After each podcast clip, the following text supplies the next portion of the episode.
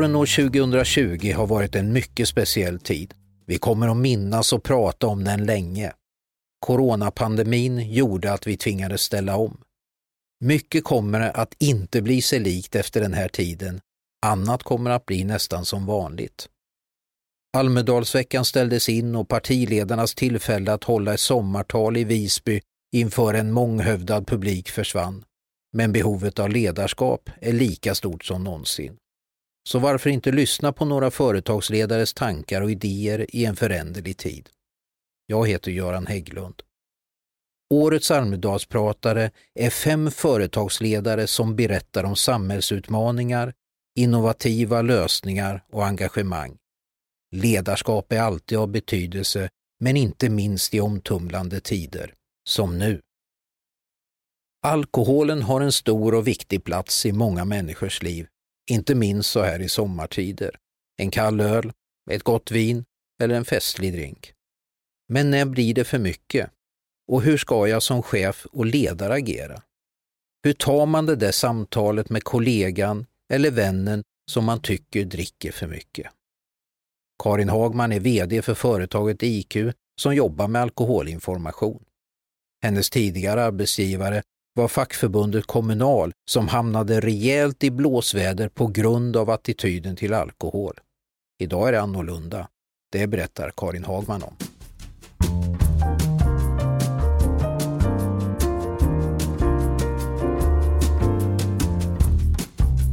Jag sitter på en middag med ledningen på mitt jobb och flera externa gäster. Det är kväll. Jag är trött och hade hellre varit hemma med min familj. Som så ofta krävde mitt jobb som chef på ett stort fackförbund att jag medverkade på den här typen av middagar. En av mina överordnade dricker alldeles för fort och alldeles för mycket. För att det inte ska märkas börjar jag dricka i samma takt. Jag låtsas att allt är helt normalt. Dagen efter pratar jag om det som hände med en annan chef på arbetsplatsen. Igår kväll blev det så himla jobbigt, säger jag. Jag vet, svarar han. Men det är bara så det är, det går inte att göra något åt.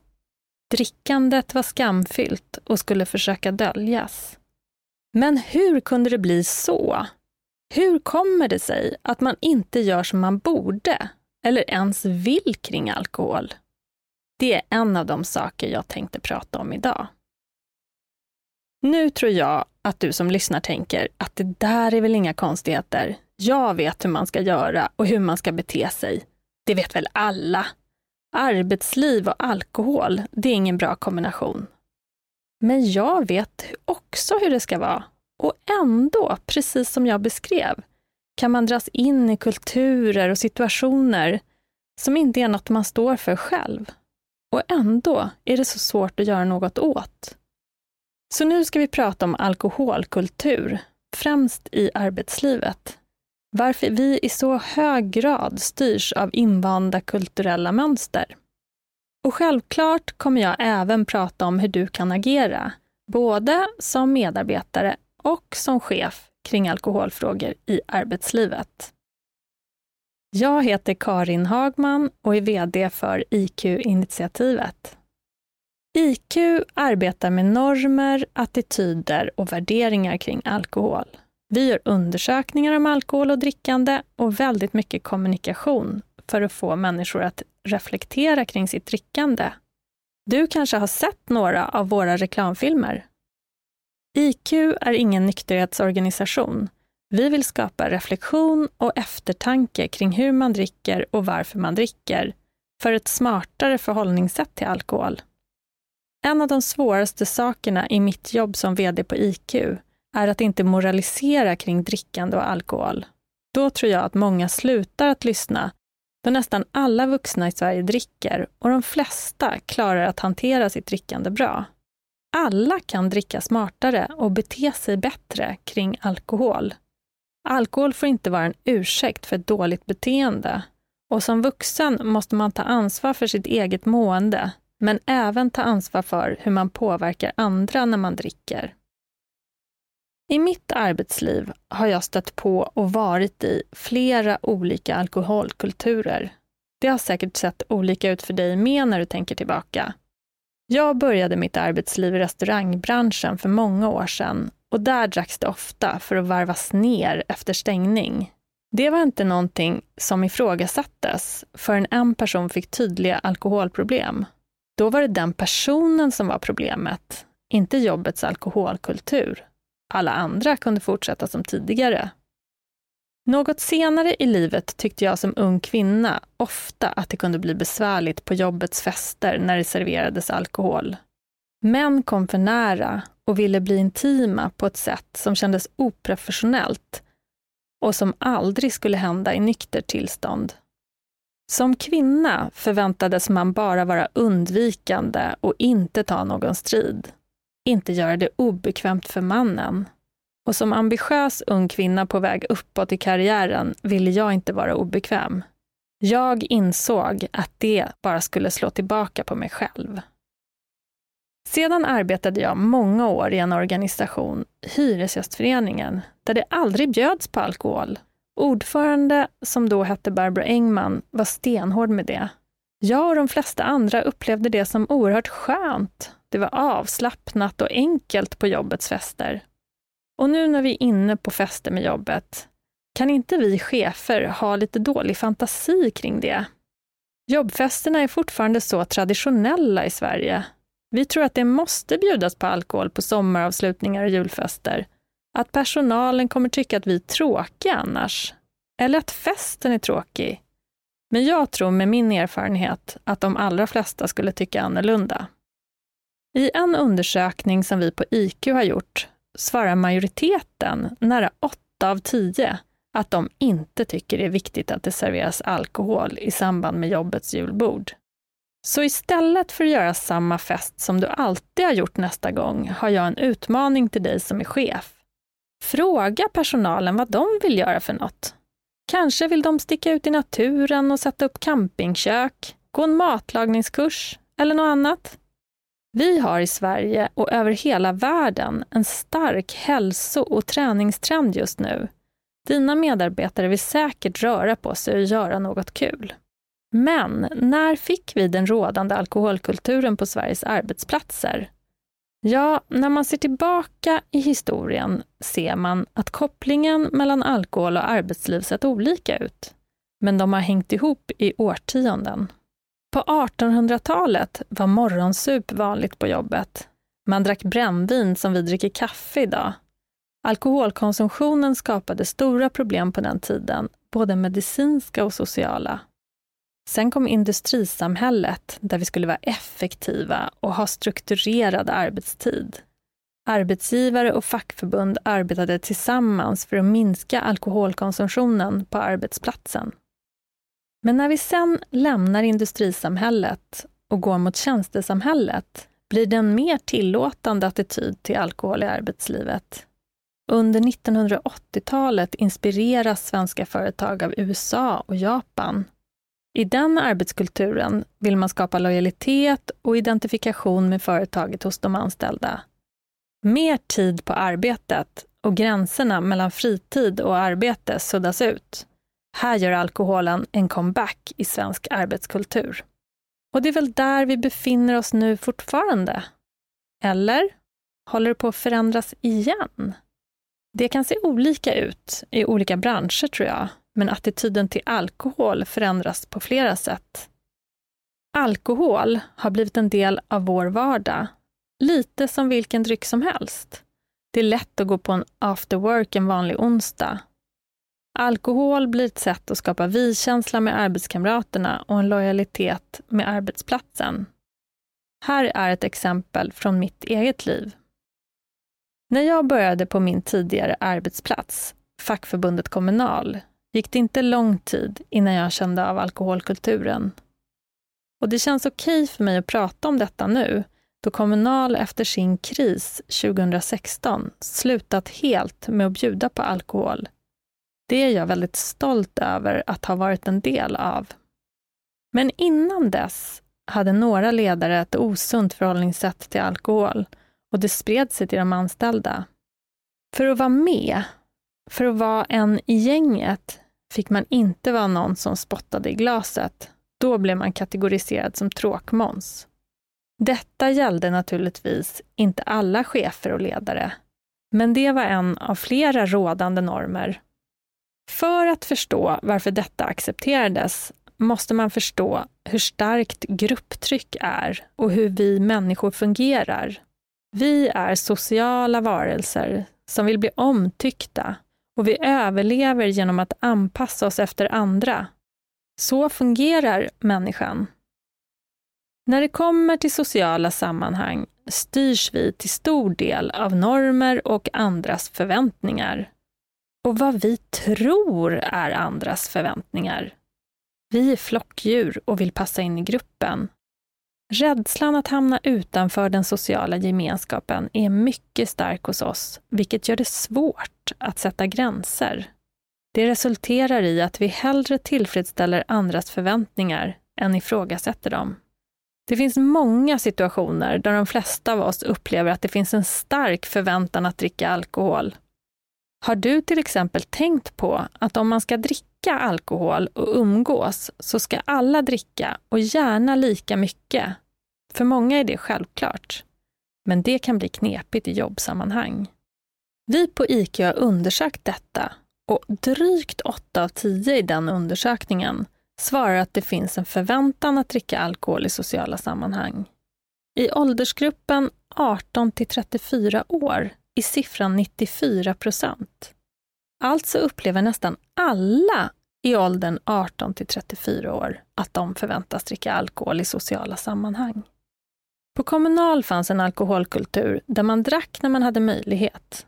Det var ett viktigt sätt att umgås och att skapa allianser. Och det var chefer som satte den normen. Som chef är du en förebild och en normsättare. Din inställning påverkar och avgör alkoholkulturen. Så trots att jag var en egen tänkande person så drack jag också när jag arbetade på Kommunal. Jag ville vara en i gänget. I en stor organisation så finns det många chefer och väldigt många av oss upplevde alkoholen som problematisk i organisationen. Det tog mycket energi att prata om det, men ingen gjorde något. Vad vill jag säga med det? Jo, att det är svårt att lösa problem som enskild medarbetare eller mellanchef. Man skapar egna strategier. Jag tror på att gå samman och på så sätt lyfta problemet tillsammans. Som chef har man ett ansvar, men även chefen har en chef och högsta ledningen är oerhört viktig. Ytterst är det de som sätter agenda och kultur på arbetsplatsen. Men var färdigtänkt kring din egen hållning. Vad är ditt förhållningssätt till alkohol? Det var inte jag. Och det gjorde det svårt att tacka nej och sätta gränser för mig. Och var inte rädd att vara obekväm om du oroar dig för någon annans alkoholvanor. Lita på din magkänsla. Du behöver inte vara expert för att omtänksamt fråga om en medarbetares mående. En tidigare kollega till mig nu nykter alkoholist, berättade en fin historia. Det var hennes chef som hjälpt henne ta tag i alkoholproblemen. Genom att fråga hur hon mådde och hur mycket hon drack fick hon min kollega att söka hjälp. Först blev jag arg när jag blev konfronterad och gick till attack och försvar. Men sen började jag tänka och sen tog jag hjälp. Idag anser jag att min chef räddade mitt liv, berättade hon. Det här ser jag som en uppmaning till oss alla, både som chefer och arbetskamrater. Lova dig själv, även om jag vet att det är jättesvårt. Sträck ut en hand när din magkänsla säger dig att något är fel.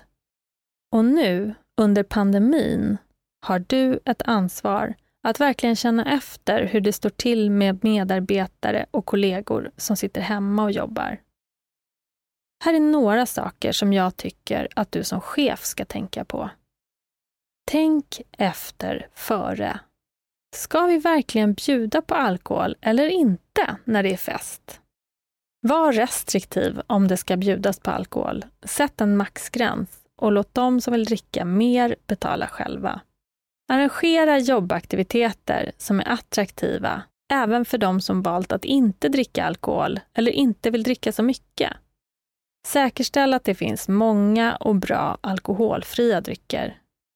Och om ni har en alkoholrelaterad incident, vi vet alla vad det kan vara, ta tag i den direkt. Prata med de inblandade och informera de som behövs så det inte skapas rykten. Som chef är du en förebild. Fundera över vilka signaler du själv sänder när det gäller alkohol. Det du gör och säger påverkar dina medarbetare. Vad händer hos mig som medarbetare om jag befinner mig i en dålig alkoholkultur? Jo, det blir oroligt och mycket energi går åt till fel saker. När chefer och medarbetare i olika konstellationer dricker tillsammans ofta så blir det oklarheter och olika maktcentrum där informella beslut fattas på grumliga grunder. Vilka var ute igår? Vad sa han? Vad hände? Får man göra så här? Ni vet snacket och det tar mycket energi från medarbetarna. Och som medarbetare kan man dricka mer än man tänkt. Eller så avstår man från att gå på personalfester, jobbsammankomster eller afterworks för att undvika alkohol och känslan av att inte passa in. Och slippa få frågan om varför man inte dricker. Alkohol kan bli exkluderande. För den enskilde medarbetaren som druckit för mycket blir det jättejobbigt. Till exempel att gå på möten med människor man varit rejält berusad med dagen innan och bli tagen på allvar. Det ger ångest. Den alkoholkultur ni har på arbetsplatsen kommer påverka hela verksamheten, både ur arbetsmiljöperspektiv och verksamhetsperspektiv. Mina erfarenheter är att alla kan göra något och här är några saker du kan börja med. Alkoholpolicyn. Många kanske vet att det finns en alkoholpolicy, men inte vad den innehåller. Prata om den och inte minst inför fester. Alla måste veta vad som gäller. Högsta ledningen ska vara med på båten. Få dem att förstå hur stora vinsterna är med ett preventivt arbete. Här kan man behöva vara pedagogisk såklart för att frågan ska prioriteras. Prata med varandra. Hur vill ni ha det på arbetsplatsen? Ifrågasätt alkoholkulturen tillsammans. Kom ihåg, majoriteten av medarbetarna kommer gilla tydlighet och ordning och reda vad gäller alkohol. Alla tjänar på en restriktiv alkoholkultur. Hur skulle jag göra idag om jag hamnar i den där situationen som jag beskrev i början av det här sommarpratet, när jag var på fest med chefer som drack för mycket? Jo, jag hoppas att jag inte skulle gå in i ett medberoende och börja dricka mer själv. Jag skulle redan innan festen göra klart kring hur mycket och om det skulle bjudas på alkohol. Och jag skulle bestämma mig själv för hur mycket jag skulle dricka och hålla mig till det oavsett. Och slutligen, om min chef drack för mycket skulle jag som medmänniska fråga hur hen mådde och berätta att jag kände mig orolig. Av omtanke. När vi spelar in detta står vi inför semestertider. Som ett sista medskick till dig vill jag att du funderar över ditt eget förhållande till alkohol och semester. Att dricka lite mer när man är ledig behöver inte vara ett problem, men det finns inga nivåer för riskfritt drickande. Så fundera på vilken roll alkoholen ska spela för dig under semestern. Du är värd en semester där du laddar batterierna och tar hand om dig och de runt omkring dig. Tack! Du har lyssnat till Karin Hagman, VD för företaget IQ. Hon är en av årets Almedalspratare.